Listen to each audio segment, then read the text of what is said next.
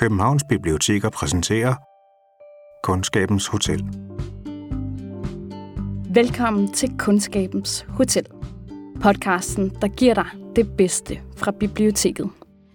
Kolde, stinde, grødklumper i et fad skoldet mælk, hornske, nogle spåner brusk, som han høvlede af en allerede skrabet skank. Ikke en kat engang at dele maden med. Stille blev der i stuen, da mølleren havde spist, og den nødvendighed også var til en side. Et suk går gennem hans hårede næsebor. I 1910'ernes Danmark var forfatterne optaget af det jævne folk. Man ville fortælle om bundens og arbejderens daglige kamp for at få brød på bordet. Som en af tidens store forfattere, Martin Andersen Næksø, her fortæller, måtte man beskæftige sig så at sige med generalnævnere. Med personer, der omfatter store grupper af menneskeheden. Det er i hvert fald den officielle fortælling om 1910'ernes litteratur. Men virkeligheden er altid mere broget end litteraturhistoriens velordnede perlerække af perioder og ismer. I den her udgave af Kundskabens Hotel skal vi med på en udgravning i 1910'ernes litteraturhistoriske køkkenmøding. En skattejagt i bibliotekernes gemmer efter de tekster, som er blevet gemt og glemt, fordi de hverken passede ind i deres egen tid eller vores historie om perioden. Du skal møde to herrer, der sætter en ære i at finde frem til outsidernes, freaksnes og rebellernes tekster. De to litteraturarkeologer er Anders Jørgen Mogensen. Der skulle komme tre bøger, som jeg bestilte hjem. Men jeg er lidt spændt på, hvordan de ser ud. Og Andreas Bylov Jensen. Nogle gange klipper de jo ind i de der podcasts. Det gør de altid på Skønlitteratur på P1. Får man okay. altid netop de der mikrofontekst. Og de har stået på hovedet i bibliotekernes bunker af glemte tidsskrifter og støvede, halvvejs formullede bogudgivelser. Deres fund var mildest talt overraskende, også for dem selv. For 1910'ernes landskab af folkelige arbejderskildringer viste sig at gemme på en uset understrøm af en helt anden skuffe. Noveller om kannibalisme, stoffer, fanatisme, sindssyge, blasfemi, sadisme og hallucinationer. De bedste fund fra Anders og Andreas omfangsrige udgravning udkom i foråret 2019 i antologien Menneskekød, i serie for grotesker fra forlagene Escho og Sidste Århundrede. Kundskabens Hotels Karoline Inghoff har talt med de to skattejæger om antologien og deres trang til at rode rundt i bibliotekets mørkeste afkrog.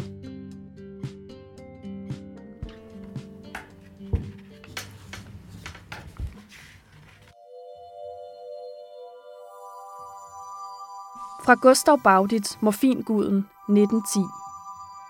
Og han mærkede morfinsprøjtens stik i armen. Denne aften vidste han, at morfinguden ikke ville svigte ham. Han var fast overtydet derom. Tålmodigt ventede han på ham, mens smerterne gradvist tog af. Og rigtigt, han kom også. Hovedet stak han op fra sengens fodende. Hans guldkrone lyste. Hans øjne spillede næsten som i feber. Hvorhen, hvorhen, råbte han. Nu må vi afsted. Benytte tiden. Det er sidste aften. Vi må hele jorden rundt. Skal vi? Og så fløj de. Morfinguden og den syge. Og en vidunderlig rejse var det. Jeg sidder her med Anders Jørgen Mogensen og Andreas Bylov Jensen, og vi skal snakke lidt om antologien Menneskekød fra forlaget sidste århundrede og forlaget Esho. Og Anders, det er dig, der har forlaget Esho. Ja, jeg har et forlag, som hedder Esho. Vi har jo primært udgivet sådan ny dansk litteratur, men har så lavet det samarbejde sammen med forlaget sidste århundrede, hvor vi laver en serie for grotesker, hvor det er genudgivelser og med fokus på grotesk litteratur. Mm. Og Andreas, du er sådan en form for litteraturarkeolog.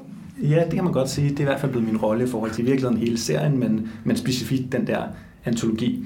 Det der med at øh, grave i øh, bibliotekernes magasiner og øh, bestille tidsskrifter og bøger hjem på læsesal og så videre, og så, så sidde og arbejde sig igennem det, og så se, om der skulle være en eller anden en, øh, et lille skær af guld på et tidspunkt. Der er 10 ret forskellige historier i antologien, men de har det til fælles, at de kredser om det mærkelige, det drabelige, det overnaturlige, det groteske.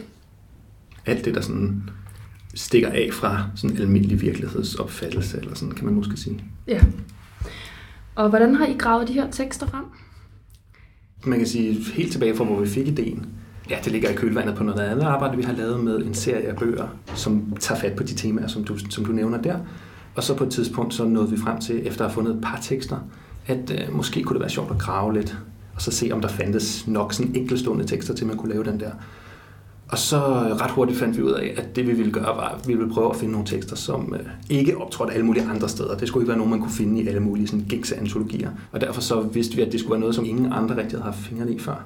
Og så begyndte vi at grave, og så kan man sige, når man skal finde tekster, som ingen andre har, har haft fingrene i de sidste 100 år, hvordan gør man så det? Jo, der er sådan to forskellige tilgange til det. Den ene det er, at man traver mange, mange, mange kilometer ned på biblioteket og læser rigtig mange sider igennem, eller skimmer rigtig mange sider igennem. Og der er så måske sådan 5% af det, som kunne være interessant. Øh, så det er, sådan en, det er den, der kræver meget arbejde og sådan noget. Så er der den anden ting, som er, at sådan tekster, når der ikke er nogen, der har beskæftiget sig med det, så finder man dem jo ikke i sådan litteraturhistorie eller sådan noget. Men måske øh, i anmeldelser for den gang, hvor bøgerne kom. Det er sådan et det spor som tekster, som ingen har læst de sidste 100 år, har efterladt sig. Øh, og der kan man jo søge nu, fordi de er blevet digitaliseret af aviserne på forskellige søgeord der. Og så lad os sige, at man søger på litteratur og grotesk, eller noveller og uhyggelige, eller bøger og øh, makaber. Så dukker der forhåbentlig et eller andet frem. Øh, og så kan man jo bestille de bøger hjem. Hvad er jeres yndlingsnovelle fra samlingen? Hvad siger Anders? Jeg øh, synes måske, at Astrid Ehrenkron Kides novelle Flammerne er min favorit. Men også fordi den har sådan en meget magisk øh, øh, hvad hedder, historie i forhold til, hvordan den kom med i antologien. Kan du lige starte med at fortælle, hvem Astrid Ehrenkron Kide er? Hun øh, er speciel i forhold til det her, vi beskæftiger os med, fordi hun skrev fem novellesamlinger omkring en person, der hedder Martin Villén, og hans underlige hændelser. Og det er ligesom sådan det, det bedste bud på en, en, en dansk skabt øh, figur, som kunne passe ind i sådan noget horror-fortælling, øh, eller hvad det skal være. Nogle uhyggelige fortællinger, der foregår i en svenske skove, øh, ud og, og møde et eller andet øh, overnaturligt, og så og passer ind i sådan en gotisk øh, tradition, ikke? Så hende har vi allerede udgivet et, øh, hedder det, udvalg med. I serie for grotesker? Serie for grotesker, ja. Øh, og så derfor er vi meget glade for at støde på den her. Men det, det som er specielt ved historien, det er, at øh, jeg øh, gik mig en tur med mine børn, og lige pludselig gik det op for mig, at der var et segment i en roman, der skrevet, der hedder Skriveren for Philipstad, hvor hovedpersonen kommer ud i en skov, forvilder sig, og der hele tiden er noget, sådan, der, der følger efter en, og det har sådan et klimaks, og en, en person, der hedder den blå Christoffer, som er sådan en, en meget, meget vild figur, som jeg tror aldrig, jeg kommer til at glemme, som spiller en, en, en rolle i både novellen og i romanen. Og, og så ser jeg sådan, kunne man bruge de 20 sider fra romanen, så det kunne stå som en fortælling for sig. Og jeg skrev så til Andreas, så skrev øh, Andreas tilbage, det er meget sjovt, fordi at øh, jeg har lige fundet en ny tekst øh, af Astrid Kronkide, hvor, øh, hvor den blå Kristoffer også er med. Og så synes vi, det var rigtig, rigtig vildt. Og så øh, gik der ikke mere end en time, så skrev tilbage. Det er fuldstændig det samme, som Andreas har fundet. Så hun har simpelthen taget, først skrevet novellen Flammerne, og så åbenbart, fordi hun har været så glad for, at den har indført i sin roman nogle år senere. Men det er jo bare vildt med, hvordan vi så, det er mere eller mindre på samme tidspunkt, at jeg får ideen til det her, og du har så fundet teksten, og hvordan det skal være. Ikke? Og så kan man sige, at det er jo altid sjovt, når vi, specielt når vi beskæftiger os med sådan en synskhed i litteraturen og sådan, ikke? Men det der med, hvordan tingene går op. Så derigennem har den en meget, meget speciel betydning for mig, præcis den. Og hun er en virkelig, virkelig fantastisk og vild forfatter, som jeg håber på får et endnu større gennembrud, end, end hun allerede er ved at få. Fra Astrid Ehrenkron Kides Flammerne 1913. Det var nu fuldstændig mørkt om mig, og klokken måtte være omkring syv, da jeg pludselig atter hørte den dæmpede fløjten et sted i min nærhed. Jeg stansede og lyttede. Og nu hørte jeg tydeligt nogen gå igennem skoven, et godt stykke foran mig, fløjtende Valins salme, Jeg går mod døden, hvor jeg går. Åh, tænkte jeg lettet. Der har jeg altså virkelig et menneske i min nærhed, for hvem skoven ikke er noget vildnis, jeg behøvede da bare at lytte efter hans fløjten, så længe han blot ville fortsætte, og følge efter gennem tygt og tyndt, hvor mange bækkeløb og sten, der end måtte ligge mig i vejen. Under tiden holdt han inde, et minut eller to, og jeg råbte da højt et hallo. Angst for, at stemmen af der skulle blive ganske borte, som en gang før, og lade mig ene i skovødet. Men skønt min usynlige vejviser nødvendigvis måtte befinde sig i samme afstand fra mig, som jeg fra ham, var han mærkværdigvis ude af stand til at høre min stemme. Til hver gang jeg havde råbt, tog han atter uanfægtet fat på sin fløjten. Hvad med din yndlingsnovelle, Andreas? EM, og igen, jeg synes, det er svært. Øh, men i første omgang, så vil jeg bare helt klart melde mig i hippekoret omkring øh, flammerne, fordi den er, det er en fantastisk historie. Øh, Udover det, så tror jeg måske lidt af samme årsag, sådan personlige årsager, at den øh, Golgata-studien af Laura Skans har jeg sådan lidt, fordi det var den, hvor man kan sige, hvis jeg ikke var faldet over den, og Anders ikke havde syntes, den var vild også, så var projektet havde aldrig eksisteret.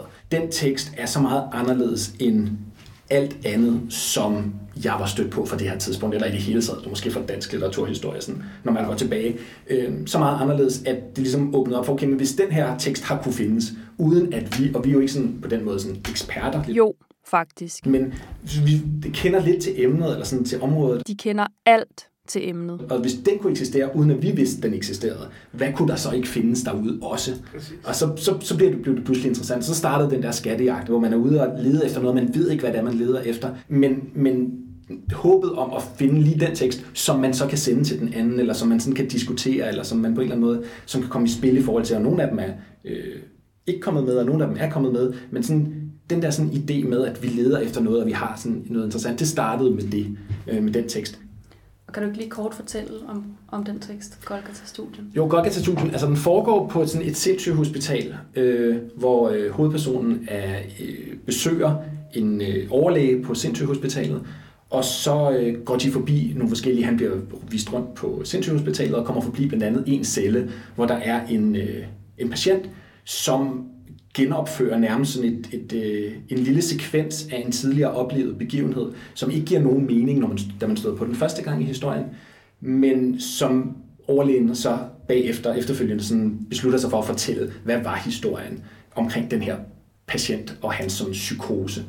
Øh, som involverer øh, malere, der er i en kælder, hvor de, deres sådan, øh, undervisere er blevet placeret, og de skal male en, øh, sådan, ja, ja, et billede af Jesus på korset jo, og i stedet for at male ud fra sådan fantasi eller forestillinger, forestillinger, så har den der lærer sørget for, at der hænger et lig på et kors i det der rum. Og den måde, det så påvirker de der malere på, det er sådan det, der sådan er selve historien. Så der er rammefortællingen, som er besøget på sindssygehospitalet, og så er der sådan den reelle historie, som er, hvordan blev den her person så psykotisk, som, som han så endte med at blive.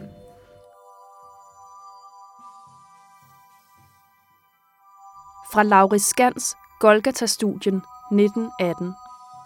Jeg så ind i cellen. På en træstol, der var sat op mod væggen, stod en ung mand med ryggen mod mig. Håret var hvidgråt og hang i tjavser ned over den fedtede frakkekrave. I højre hånd holdt han en stum trædolk. Hånden bevægede sig frem og tilbage i luften, beskrivende en hyperbel. Han drejede ansigtet mod væggen og stirrede stift mod en plet på tapetet. Dolkens spids famlede ned mod pletten – Pludselig tog han sig til næsen med den anden hånd, som om han ville undgå en stank, og så ud i cellen med et søgende, spørgende blik. Hvor vil du have såret, råbte han. Der var en sådan kraft i råbet, at stemmen brast. Jeg følte overlægens ånde som en hed damp mod min nakke. Den gale førte dolken ud i rummet, stod vaklende på stolen, stirrede slugende mod pletten på tapetet og skreg i latter. Du bliver vel ikke vred, Morten Nagel. Så huggede han dolken mod væggen af al sin kraft.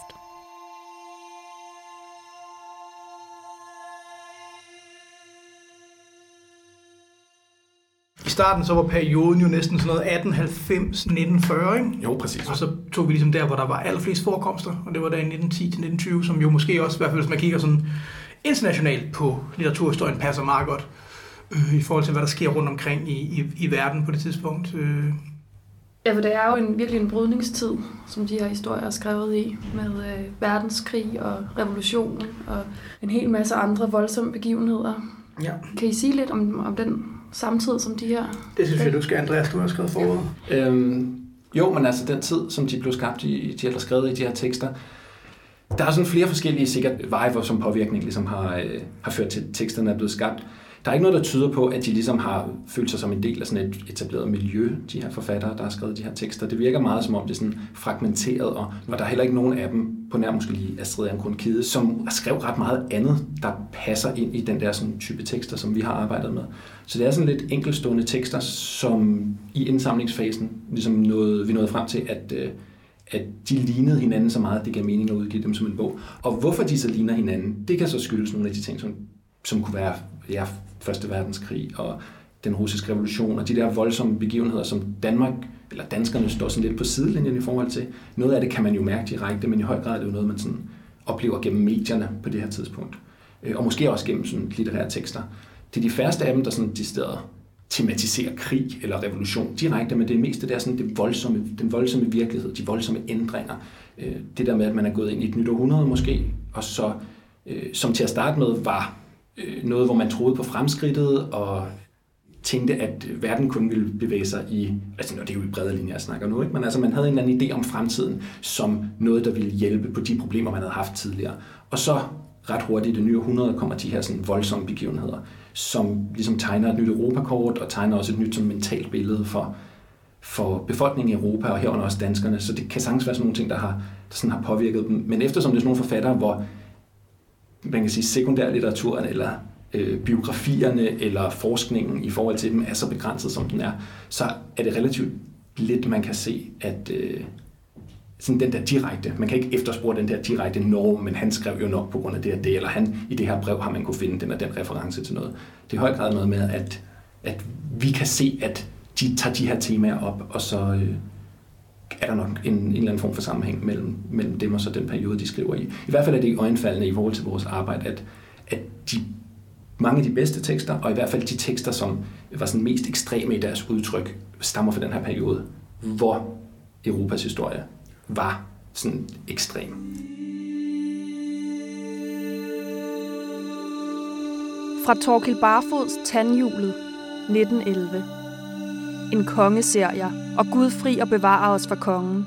Han tror sig selv Gud, og nu vil han se Satan knæle for sig – han stævner alle troldmænd i sine riger og lande sammen og befaler dem at mane. Og de maner, de beder, de besværger. De tænder en ild og nærer dens flamme med tørre ben gravet op fra kirkegården. De mumler deres formularer hen over den. De affører sig deres klæder, flænger deres kød med knive og lader blodet dryppe på bålet. De danser med vilde fakter og dage går, og deres øjne skinner i feber, og bloddråber triller dem som tunge tårer ud af øjenkrogen, til de har hverken ondt sig søvn eller hvile.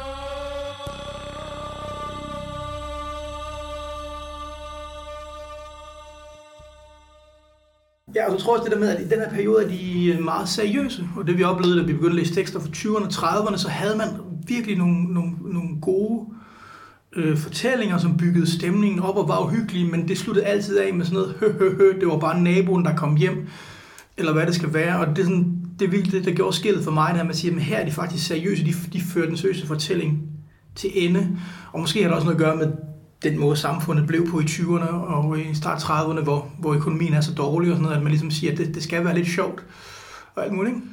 Øh, en stor frustration, vi havde omkring tekster fra 25 og frem efter med, at vi så ikke vi sidder og tænkte, okay, her har vi jo simpelthen noget, der kan, der kan ryge direkte ind i antologien, lige indtil man læste den sidste side, hvor der sad sådan en eller anden mærke, det var bare noget, jeg drømte, eller det var så bare, der var ikke noget alligevel, eller hvad det skal være, ikke?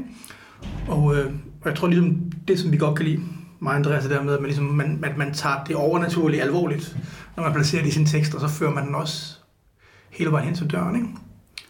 Jeg synes også, det er noget, jeg har lagt mærke til som et gennemgående træk i novellerne, er, at, at, øh, at øh, hovedpersonerne er typisk sådan nogle øh, ret sårbare og følsomme øh, personer, som også er meget åbne over for syner og for, for det overnaturlige. Ja, det passer. Altså, hvis man kan sige, at den dominerende litteratur på et tidspunkt er den, hvad hedder det, den menneskelige fortælling, ikke? og arbejderfortællingen.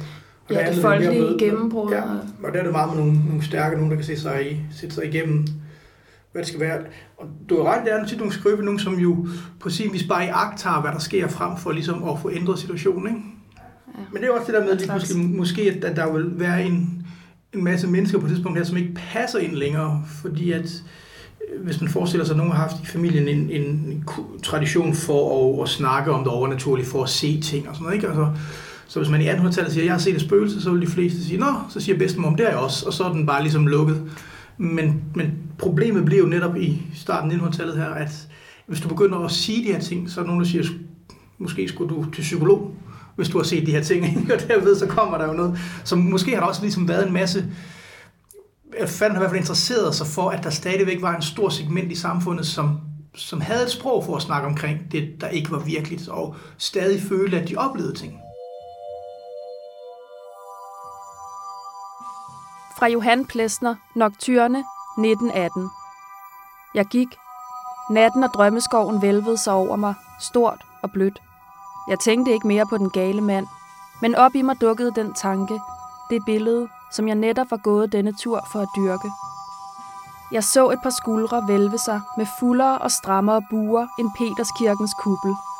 På dem en hals, stolt som et tårn, bærende et hoved, der så lige ud med øjne så dybe som selve Furesøen, når den i vældig ro spejler himlen. Og jeg syntes at mærke, at der ved min side bevægede sig en blød og fast person. Vi lyttede sammen til vandet og vinden, og vi talte sammen. Jeg fortalte hende store drømme om værker og død, og hvor meget hun var for mig. Hvordan hun vævede sig ind i dem, som de tråde, der bærer vævningen. Og jeg greb ud for at lægge min arm om hendes liv, men jeg fagnede kun den fugtige vind og hørte kun vandets ristlende latter i det synede ved fra mig.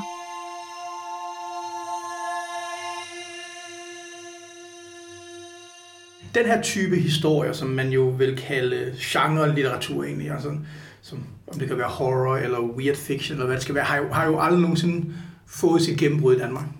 På samme måde, som man ser specielt i øh, USA og England. Vel? Så derigennem så, altså, de har jo fået en modtagelse, og der var jo flere, der skrev ind for det, men de er ikke blevet husket, og jeg tror ligesom, at det har været ufint at beskæftige sig med, når man skulle skrive litteraturhistorien senere hen. Og så også fordi måske også at i samtiden har det også virket som sådan enkelstående tekster eller enkelstående sådan forfattere, og derfor så det der med at se de der en, en øh, ny litterær bølge eller noget af den stil, som, som øh, anmeldere og, og øh, litteraturhistorikere og sådan noget godt kan lide at orientere sig i forhold til, fordi ellers så bliver det for komplekst. Der falder de her tekster ved siden af, og derfor så er det dels blevet glemt, men det har også været svært i samtiden måske at, at se sig selv som en del af en bølge for de der forfattere, og se også for anmeldere og lignende, at se det her som en del af andet end sådan nogle enkeltstående tilfælde. Ja, øh, jeg tror ligesom, det som vi i hvert fald har stødt på, når vi undersøgte undersøgt det tidligere med, med de andre udgivelser ser det der med, at, at man er meget fokuseret på i Danmark, at man ligesom forfatterens opgave er at beskrive virkeligheden og skrive en eller anden virkelighed frem og, og give nogle, øh, nogle bud på, hvordan samfundet kan forandres og sådan noget. Og det, er jo, det er der jo ikke noget af i de her tekster jo. Altså det er jo at, at, at beskæftige sig med, med det vanvid og, og den uigennemskuelighed, som, som livet også har. Og jeg tror måske, også, det er derfor, at de så overlever. For jeg tror, mange af de her øh, arbejder i litteraturen, altså den er, den er lidt hård at læse i dag, ikke? fordi man kan ikke rigtig se, hvad fanden er det, vi skal bruge det til.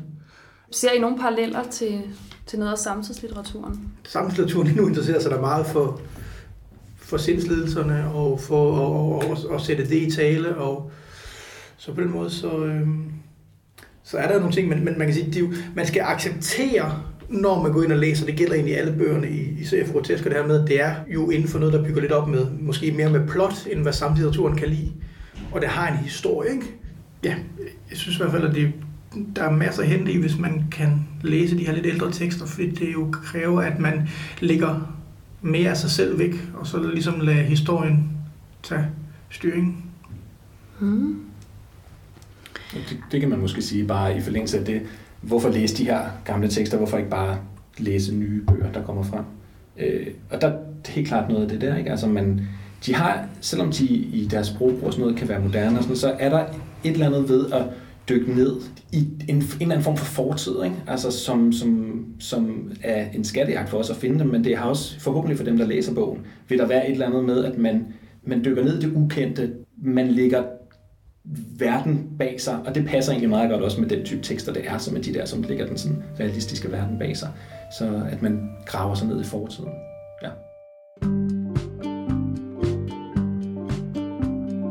Du kan låne antologien Menneskekød på Københavns biblioteker. Find dem på nettet eller spørg din lokale bibliotekar. Og vi er sikre på, at der ligger en masse andet glemt guld i vores gemmer, så hvis du får lyst, så kan du jo selv gå på jagt. Kundskabens Hotel er produceret af Københavns Biblioteker. Mit navn er Anne Jeppesen. Vores oplæser og reporter var Karoline Inghoff. Jeg har lidt svært ved at se for, for popfilter. Tekststykket om mølleren og hans grød er fra Johannes V. Jensens Himmerlands historie. Vores kendingstrack er lavet af Euclid Elms. Vi brugte også nummeret Mammoth Brian af Nicholas. Hvis du ikke allerede gør det, kan du abonnere på os i din foretrukne podcast-app. Du kan også anmelde os, hvis du skulle få lyst. Det sætter vi som altid stor pris på, for vi vil så gerne nå ud til flere lyttere. Vi lyttes ved.